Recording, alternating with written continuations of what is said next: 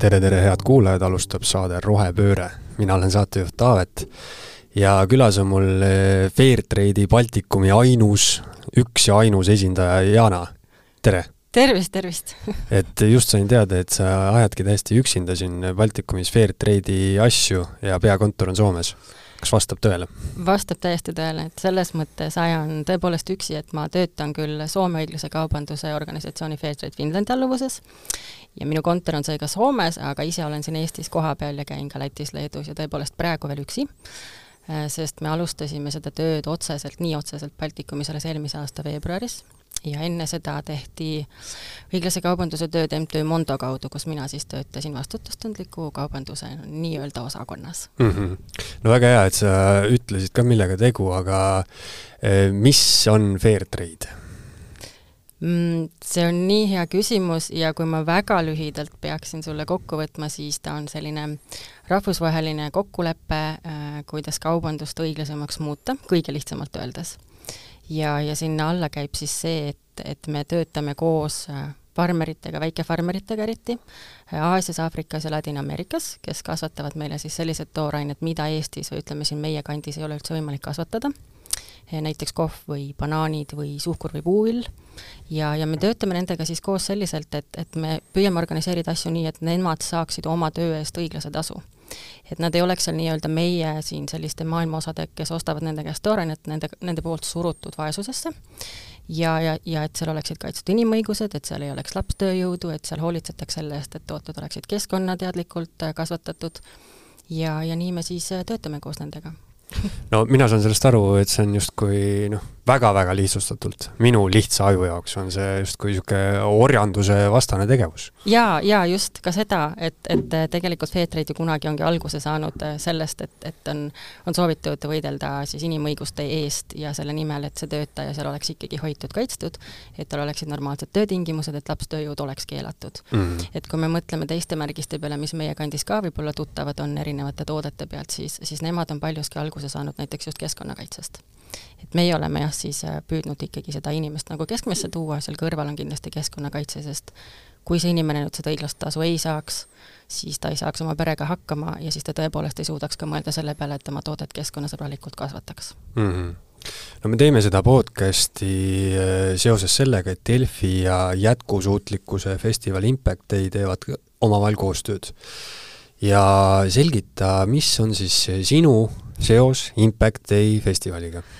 Jaa, mina Impact Day festivali eelmisel aastal, kui nad esimest korda toimetasid, leidsin tõepoolest täitsa kogemata, loomulikult ikka sotsiaalmeedia kaudu, ja, ja suhtlesin nendega ja ma käisin seal kohal oma nii-öelda väikese boksiga, rääkimas siis huvitatutele sellest, mis on õiglane kaubandus ja mis on see Fairtrade märgis, ja sellel aastal me siis teeme koostööd ka ja palju suuremas mahus, et siis meie peakontorist direktor, kes vastutab siis äri- ja inimõiguste eest, tuleb tõepoolest seekord ka kohale esinema.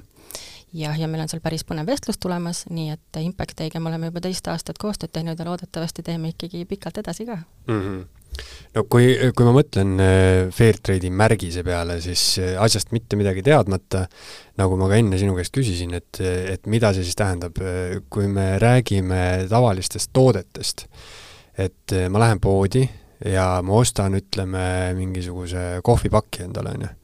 Et see ei ole Eestis kasvatatud ja ütleme, et seal on peal see Fairtrade'i märgis. et mida see siis tähendab?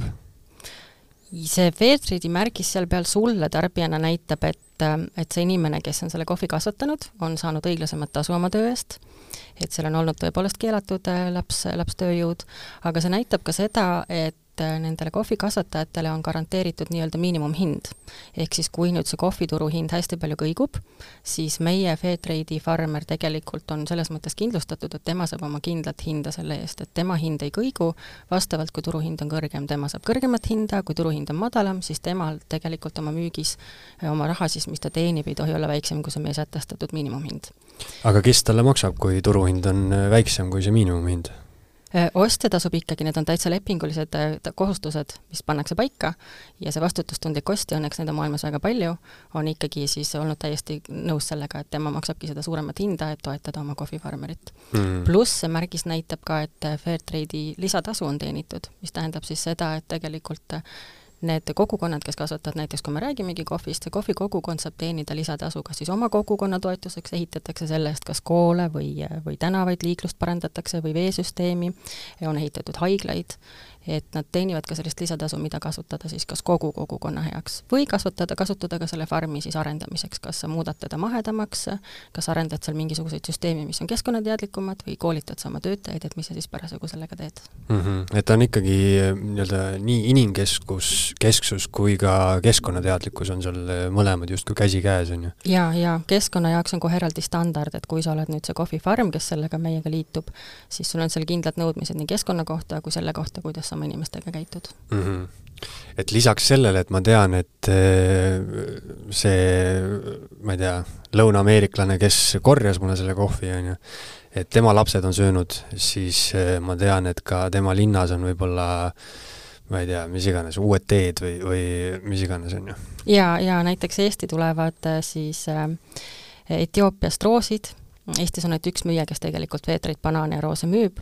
Ja nende rooside kasvataja konkreetselt on Fairtrade lisatasu eest ehitanud kooli ja haigla ja seal koolis pakutakse ka tasuta toitu õpilastele, et täitsa mida kogukond näeb, et vajalikuks, et vot see nüüd ongi nagu nende jaoks kõige õigem samm seda tulu kasutada mm. -hmm. ja, ja selle tulu kasutamise, ma tean, et teistel märgistel sellist süsteemi nüüd ei tohiks olla, selle tulu kasutamise otsustavad nemad täiesti ise, et meie neile ette ei ütle, et vot seda nüüd peate konkreetselt kasutama selleks ja selle raha eest tohite teha ainult seda. et nemad siiski otsustavad seda, jah milline see märgis välja näeb, sest kui ma täiesti aus olen, siis ma ei ole vist mitte kunagi poes tähelepanu nagu pööranud sellele või näinud mingisugust suurt silti kuskil? Ma arvan, et sa tegelikult isegi oled näinud, aga lihtsalt tõesti, kuna märgiseid on ju nii palju, eks ole, meil erinevad, et pakendid on niikuinii kirjud, siis meie märgis on selline kandiline ruuduke, mis, mis paljudele meenutab yin-yang märki, kuna seal on selline lehvitaga käe, lehvitava käega farmer keskel, ülemine osa sellest märgist on roheline ja alumine osa on sinine ja ta tegelikult sümboliseerib siis seda, seda rohelist muru, mis on justkui nagu areng ja paranemine ja siis seda taevast, mis näitab lootusrikkast ja siis, ja siis tegelikult see farmer, kes seal siis lehvitab tänulikult ja, ja näitab sellist nagu inimarengut mm, -hmm. vastupidavust mm. -hmm. Jana, oskad sa öelda, millal Fairtrade üldse alguse sai või, või noh, väga üllas eesmärk on see, ma arvan, et kõik saavad aru, on ju, aga millal siis äh, võeti kätte ja mõeldi, et, et nüüd me peame nii-öelda organiseeritult siis äh, ikkagi toetama noh, selliseid inimesi, kes võib-olla ei ela siin, ma ei tea, Tallinna kesklinnas või noh, veel hullem, ma ei tea, Luksemburgi kesklinnas, on ju. just Äh, no konkreetselt meie märgis sai siis oma kuju sellisel, nagu ta praegu on aastal üheksakümmend seitse, et tegelikult nii väga vana märgis ei olegi, aga varasemalt on neid asju siiski tehtud enne ka, et, et kust siis see Fairtrade on lõpuks välja kasvanud, aga meie oleme jah aastast üheksakümmend seitse. Mm -hmm. Eestis oleme nüüd tegelikult siis, nagu ma ütlesin, eelmisest aastast, Soomes ja Põhjamaades muidugi palju pikemalt mm. -hmm. oskad sa öelda ka, noh, kui me siin kohvist räägime, kohv on vist maailma kõige populaarsem droog, on ju aga kui ma lähen sinna kohviriiuli ette poes, et noh, ütleme, et mul on seal mingisugune viisteist erinevat kohvipakki, on ju, et kui paljud neist näiteks Fairtrade'i märgist kannavad? Eestis kannavad tegelikult, ma pigem ütleks, et praegu veel vähesed küll aga on meil Eestis kaks kohviröstikoda, kes omavad seda rahvusvahelist sertifikaati, mis tähendab, et nemad siis kasutavad ainult äh, oma kohvides, mitte nüüd kõigis, aga teatud kohvides seda sertifitseeritud toorainet, et ma usun, Eesti kohvidel mingitel oled sa juba näinud, hästi palju selliseid tooteid on ökopoodides, kui siin nimetada tohib, siis näiteks Biomarket ja Prisma on sellised, kes palju müüvad märgistatud kohvisi. et on saada nii tavalises jaemüügis kui on ka sellistes poodides, mis siis mahetoodetele keskenduvad rohkem. ja ma pean mm. ütlema ka et, et kuuskümmend kolm protsenti meie kohvist ongi juba samas ka mahemärgisega, mitte ainult Fairtrade märgisega mm. -hmm kas kohv ongi kõige populaarsem toode, millele see märgis peale käib? Ehm, meil on seitse kõige populaarsemat toodet. kui ma nüüd püüan peast kõik nimetada, on kohv, tee, puuvill, lilled, meile siis tulevad roosid, banaanid ja seal on kakao ka. Ja siis on veel miskit, ma vaatan kohe, ma spikerdan omal täpse paberi pealt, ma kirjutasin kõik välja, suhkur, vot, roosuhkur. Ja noh, suhkur on kindlasti hästi levinud siin Baltikumis kui ma vaatasin tootegruppe nüüd kaks tuhat kakskümmend aastal, mis olid meil kõige populaarsemad, siis loomulikult šokolaadid, maiustused, jäätis, kõik selline, ja teisel kohal oligi siis kohv ja soojad joogid, kohv, tee ja kakao mm. -hmm. kas sa tead ka, milline see protsess välja näeb, ütleme mulle kui tootjale, et seda märgist saada, ütleme, et ma ostan, on ju, Fairtrade'i märgisega suhkrut, aga ma panen sinna ka mingisugust muud toorainet sisse ja sellest teen ühe šokolaadi valmis, et siis ma nagu sellele lõpp-produktile, šokolaadile, siis ma ei või seda märgist peale panna, eks ju? sa saad märgise oma tootele peale panna ainult selliselt, et sa liitud enne üleüldse selle Fairtrade'i nii-öelda tarneahelaga mis tähendab, et kui sa lihtsalt poest ostad endale märgisega suhkrut ja paned selle tootesse, siis see kindlasti ei tähenda seda, et sa saaksid endale litsentsi või sertifikaadi, ehk et siis märgise kasutamise õiguse. et kõigepealt sa peaksid taotlema üldse sertifikaati, siis sa saad, kui sa oled läbinud äh, auditid, siis sa saad endale teatud sellise äh, kauplemisloa, mis tähendab, et sa pääsed ligi tarneahelatele, mis siis annavad sulle ainult Fairtrade toorainet, ja siis sa saad tõesti oma tootesse siis kas puhastada toorainet panna, teed näiteks puhta kohvipaki või teed siis segutoote, mis on siis näiteks Fairtrade kakao või Fairtrade suhkur suhkruga. tõepoolest, nii on võimalik seda toodet toota, et kõik asjad ei pea olema fair trade, mis seal sees on, aga kõige tugevam märgis, mis ongi see kirjamärgis, millest ma rääkisin, meil on need erinevate toonidega, mis näitavadki erinevat taset, kõige tugevam märgis siis keeldab, et kõik, mis on maailmas fair trade'ina saata, pead ka sina oma šokolaadi või sellesse tootesse siis panema fair trade'ina mm. -hmm. no siit me jõuamegi selle teemani, et et mis, et ka ettevõte võib selle märgise on ju külge saada, et mida siis see omakorda tähendab, et praegu ma kujutangi ette, on ju, šokolaaditootjat, on ju, et seda on kerge ette kujutada, et siis kust ta oma tooraine saab, aga, aga noh, sa juhtisid siin tähelepanu, et Delfi ei ole Fairtrade'iga liitunud, on ju, et noh, ma ei tea, kuidas üks meediamaja või ükskõik mis ettevõte siis saab selle Fairtrade'iga liituda? Jaa, üks meediavaja või mõni tore, teine tore vastutustundlik ettevõte saab liituda sellise tunnustusega nagu Fair Trade at Work. esimest korda Baltikumis me anname, andsime siis seda nüüd välja selle kuu alguses või selle kuu keskel tegelikult oli rahvusvaheline õiglase kaubanduse päev ja, ja see tähendab siis seda, et oma kohvinurga see ettevõte siis vabatahtlikult valib, et ta muudab nii-öelda õiglaseks, et tal on seal Fairtrade kohv, ta võib sinna lisada ka tee, kakao, suhkru, puuviljad, miks mitte veinid või näiteks rummi kokteili õhtul, ka neid on saada Fairtrade'ina, panna neid lilli lauale, mis on Fairtrade märgisega, või kasutada puuviljarätikuid, mis on siis tõepoolest märgisega. aga ennekõike me praegu selle, selle konkreetse tunnustusega soovime ikkagi toetada oma kohvifarmereid, sest praegu kohvi olukord on päris keeruline maailmas, paljud noored tegelikult kohvikasvatajad on otsustamas, et see on minu jaoks liialt keeruline, ma ei soovi sellega tegeleda, see on midagi sellist, millega ma võib-olla oma pere ära ei elata tulevikus, et ma soovin hoopis midagi muud teha, pluss niikuinii keskkonnamuudatused, mis on kohvile niivõrd palju kahjulikud, et siis me soovime natukene oma kohvifarmerit tõepoolest toetada, et kohv on ju selline asi, mida miljonitest asjadest maailmas just töö ajal juuakse. et mõtle, kui suur muudatus see tegelikult on, kui mm -hmm. töökohad hakkavad õiglasemalt kohvi kasutama mm. -hmm selles mõttes tõesti, et kui ma oleks äh, kohvifarmer, noor kohvifarmer, siis äh, selles osas nagu justkui tundub mu tulevikuvaade roosiline, et ma tean, et kohv on sõltuvust tekitav, mitte kunagi inimesed selle joomist ei lõpeta, on ju, ja see on noh, ilmselt peale vee üks kõige populaarsem jook maailmas, on ju. aga, aga siis jah, et kui palju nagu see, see tasuvus on ja, ja mida vähem, noh, see on ka niisugune kahe otsaga asi, et mida vähem neid kohvifarmereid on, seda samas ilmselt eh, kohvi hind on ju kõr-, kerkib siis kohe mm. -hmm, just, just. ja, ja lisaks mängib see kliima kohvi puhul eriliselt suurt rolli, et ka see üks kraad, kaks kraadi kliimamuutust juba muudab nii palju selles kohvis, et, et tõepoolest nad võivad seal hätta jääda lähiajal mm. -hmm. on, on, on juba olnud lugusid sellest, et kas kohvil on tulevikku no loodame, et on, kuigi jah, kohvi asemel on, ma ei tea, miljon toodet nüüd, kus on kofeiin sees, on ju. aga kui palju, ma ei tea, Eestis näiteks niisuguseid ettevõtteid on, kus siis saab äh, Fairtrade'i kohvi juua kohvinurgas? jaa, sellise ametliku tunnustuse said meil nüüd MTÜ Mondo loomulikult Eestist, äh, siis sai advokaadibüroo Lindeberg, äh, Manpoweri kontor näiteks, Telia Tallinna kaks kontorit ja Tartu üks kontor ja kas ma võtsin siit kellegi nimekirjast äkki välja, ma vaatan, ma oma spikri pealt vaatan kohe järgi, mul on kindlasti kuskil veel kirjas. ma kardan, et ma jätsin kellegi välja, jah mm. -hmm. no keegi veel? jaa -hmm. jaa. ja Lätist äh, tegelikult siis on Green Liberty nimeline liikumine, selle tunnustuse saanud Leedust äh, sama, sama põhimõttel toimiv organisatsioon Litea ja tegelikult kogu Delfi Leedu kontor nojah, et päris, päris maha ei ole mõtet meid kanda, et me hakkame sealt altpoolt hakkame tulema ilmselt. ja aga eh, ma mõtlen, et eh, kui eh, noh, meil siin majas juuakse, ma ei, ma ei taha teada, kui palju kohvi on ju, et jah, et kui kulukas see ettevõttel on või kui, kui palju kallim on siis, ma ei tea, kas, kas mulle tavatarbijana või ettevõttele, kui palju ma juurde pean maksma, et seda märgist saada? Tavatarbijana ma ütleks, et need Fairtrade'i hinnad tegelikult on hästi palju ühtlustunud selle nii-öelda tavatootega, on palju arvamust sellest, et need on kindlasti märkiväärselt kal-, märkimisväärselt kallimad tooted, aga noh, tegelikult kui nad on kallimad, siis me ju teame, mille pärast nad on kallimad, eks et äh, ta on küll lisakulu, äh, ta on tootjale tegelikult lisakulu, et see sertifikaaditasu on seal sees, pluss sa maksad äh, nii-öelda seda sertifikaaditasu ka vastavalt oma toodete müügi peale. ta on kindlasti palju soodsam sellele farmerile, et farmerile ta ei ole niivõrd palju kallis, aga tootjale siiski, kes ütleme, kogu sellest tarneahelast põhimõtteliselt umbes kaheksakümmend protsenti ju tuleb nendele, kes ei ole enam see farmer, farmerist edasi, et need, kes ikkagi raha teenivad, nendele on ta pisut kulukam aga nagu ma ka mainisin, et siis sellel on põhjus, et, et siis me teame, et see, see, see nii-öelda see raha läheb tegelikult päriselt sinna kohta, kus ta võiks minna, oleks võinud juba algusest peale see kaubanduse tegelikult kogu tarneahel olla ju õiglane, et siis mm -hmm. me ei mhm. peaks praegu sellega tegelema maailmas mm. -hmm.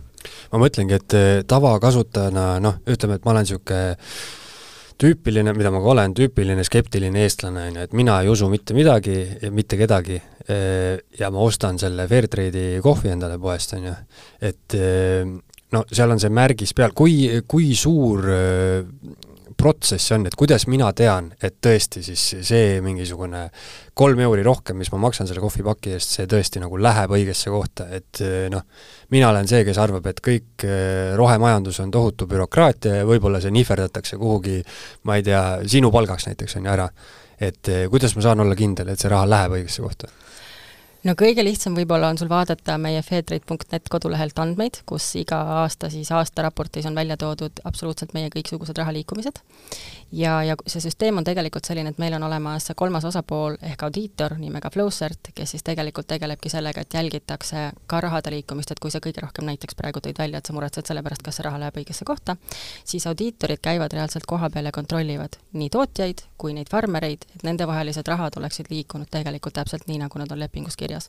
et meil ei ole sellist võimalust, et keegi kuskil midagi lepib nurga taga kokku, no ma ei saa nüüd lubada tegelikult, et ei ole sellist võimalust, me ju ei tea, eks ju, alati võib juhtuda midagi, nagu palju asju siin viimasel ajal juhtunud on mm, -hmm. aga audiitor on reaalselt olemas, kellel on õigus ja ligipääs äh, raamatupidamistele seda nii siis ka näiteks, kui on Eesti kohvitootja, neid käiakse auditeerimas teatud aja tagant, või kui oled sa siis see farmer, kes on sellel kaugemal maal, siis seal kohapeal reaalselt käiakse, seal räägitaksegi inimestega, küsitakse, kuidas päriselt sul on palka on kantud, vaadatakse neid palgaülekandeid, vaadatakse raha ja räägitakse inimestega täiesti otse mm. -hmm sest mulle tundub jah, et siin viimase, noh, ma ei hakka siin mingi poliitikast rääkima, on ju, aga viimase aja sündmuste käigus äh, et inimestele ikkagi läheb korda, kuhu nad siis eh, oma raha saadavad, kas heategevuse eesmärgil, noh, seda võib ka nimetada enam-vähem heategevuse eesmärgiks, on ju.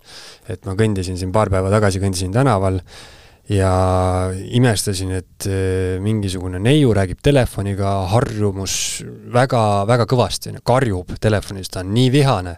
ja siis ta rääkis äh, kogu sellest äh, Ukraina teemast, kui, kui närvi ta selle pärast läks, on ju. et noh, ma saan aru, et inimene on, on ju toetanud ja, ja nüüd on ta väga pettunud, et, et samamoodi ma kujutan ette, et inimestel noh, tegelikult on motivatsioon olemas öö, osta neid kallimaid tooteid, kus noh, kõik, nagu ma ütlesin, eesmärk on üllas, on ju. aga, aga noh, siis on väga hea, kui nad saavad äh, kuskilt vaadata, et ahah, et äh, jaa, ma just äh, täna kontrollisin enne, kui ma tulin sinuga siia rääkima, et kas meie eelmise aasta, üle-eelmise aasta aruanne on juba üleval, et seal on kenasti numbrid näha küll. ja nii palju, nii palju parandan sind, et me ei ole kindlasti kohe heategevusorganisatsioon. me oleme ikkagi MTÜ ja meie kaudu, ütleme, sellised rahad, mis seal farmide vahel liiguvad, nad meie kaudu ei liigu. et meie tegelikult tegeleme hoopis, hoopis teiste asjadega, et meie seda, seda raha, mis peab õiglasesse kohta minema, nagu ei, ei puutu mm. -hmm Äh, Jana, mis sa arvad, mis tulevikus juhtub, kas äh, kõikidel toodetel, ettevõtetel on need märgised küljes või jääb see niisuguseks nišikaubaks? ma tahaks loota küll, et tegelikult äh, juhtub nii, et läheb palju paremaks, sest kui me mõtleme näiteks juba Põhjamaade peale, siis nemad on üks paarkümmend aastat meist nende sammudega ees ja uuringute põhjal üle kaheksakümne protsendi tegelikult usaldab seda Fairtrade märgist, Fairtrade märgis on Globescani andmetel tegelikult maailma tuntum ja usaldusväärseim märgis. ja ma ütleks, et meie see on puhtalt niimoodi meie paariaastase arvamuse põhjal, et kuskil kakskümmend protsenti inimestest tegelikult juba teab seda märgist, küll aga me viisime eelmise aasta alguses koos Mondoga läbi uuringu õpilaste seas. ja Eesti õpilastest üle kuuekümne protsendi tegelikult oli märgist näinud, üle seitsmekümne protsendi on nõus seda märgisega tooteid tulevikus ostma. Lätis, Leedus need numbrid on vastavalt väga palju madalamad. et Eesti tegelikult on väga tubli selles osas ja, ja MTÜ Mondo, kes seda tööd on nagu varem teinud ka, et nemad on oma tööd ikka väga hästi teinud mm. -hmm mis sa arvad, kas kunagi saavad ka täiesti teise kategooria tooted selle märgise külge, näiteks iPhone? no tahaks ju loota, sest me ju teame kõik, mis tegelikult seal koobalti ja muu kaevandustes iPhone'i teises otsas toimub, et ka seal peaks see asi ikkagi olema väga palju rohkem äh, jälgitud mm. -hmm. jah et tahaks loota? ma tahaks loota ja, ja tegelikult ma pean ütlema, et meie oleme Fairtrade'is rahvusvahelisel tasandil juba arutanud, et kas, et kas oleks võimalus tulevikus ka ikkagi kohalikke toeteid, tooteid kuidagi selliselt äh, märgistada või sertifitseerida ja kontrollida. et, et kui tulevikus, kui saakski leivale panna või kanamunadele või piimale panna selle märgise, eks ju, et see oleks ju väga äge mm -hmm.. noh, meil muidugi nii suuri probleeme õnneks ei ole, ütleme, tööjõuga, tööõigustega ja kõige muu sellisega, kui on võib-olla sealpool maailma otsas. aga, aga miks mitte, tore oleks ju ma mõtlen ka jah, et noh, alati on kellelgi hullemini, on ju, võrrelda me saame ennast alati kellegagi, aga noh, jube, jube lahe oleks ka siin kodumaiselt, et sa tead, et, et minu, on ju, see raha läheb, ma ei tea, Aadule, kes kasvatab, on ju, kanu ja kelle mune ma söön. just, just. ja, ja see siis justkui nagu õiglane tasu, on ju, et ta ei pea seal võitlema Tallegiga või? No ma mingeid nimesid ei ütle, aga okei okay,, okei okay,. oo, mulle vahepeal meenus, kes sai veel Fairtrade at Work tunnustuse, Tartu Ta... Loodusmaja ju. Nemad on nii toredad, nemad juba palju aastaid pakuvad oma kohvinurgas ainult õiglast kohvi. Mm.. ma mõtlesin, et sa nüüd ütled Tallega. Aga igatahes eh, ma arvan, et eh, siin võibki kokku võtta, et eh, ühesõnaga Impact Teil, sina lähed ja räägid Impactil olen mina küll kohal, aga, aga tegelikult tuleb meie peakontorist siis välismaise peene ametinimeguse, ametinimetusega Director of Business and Human Rights Division proua Tütinahi, doktor Tütinahi tegelikult ja tema tuleb siis, tutvustab natukene seda Fairtrade'i võib-olla lähemalt ja räägib ka ühest põnevast uuest lahendusest, kuidas, kuidas kõik inimesed ja ka tootjad saavad jälgida, kas nende konkreetne tooraine, millised probleemid selle, selle toorainega seotud kõige rohkem on mm. -hmm, mm -hmm okei okay,, selge, ühesõnaga, kes tahab, siis läheb Impact teile kuulama ja, ja noh, mõtteainet on siin küllaga, ütleme niimoodi. kõvasti, mõtteainet on kõvasti aga aitäh, Jana, et tulid ja rääkisid! tänan kutsumast!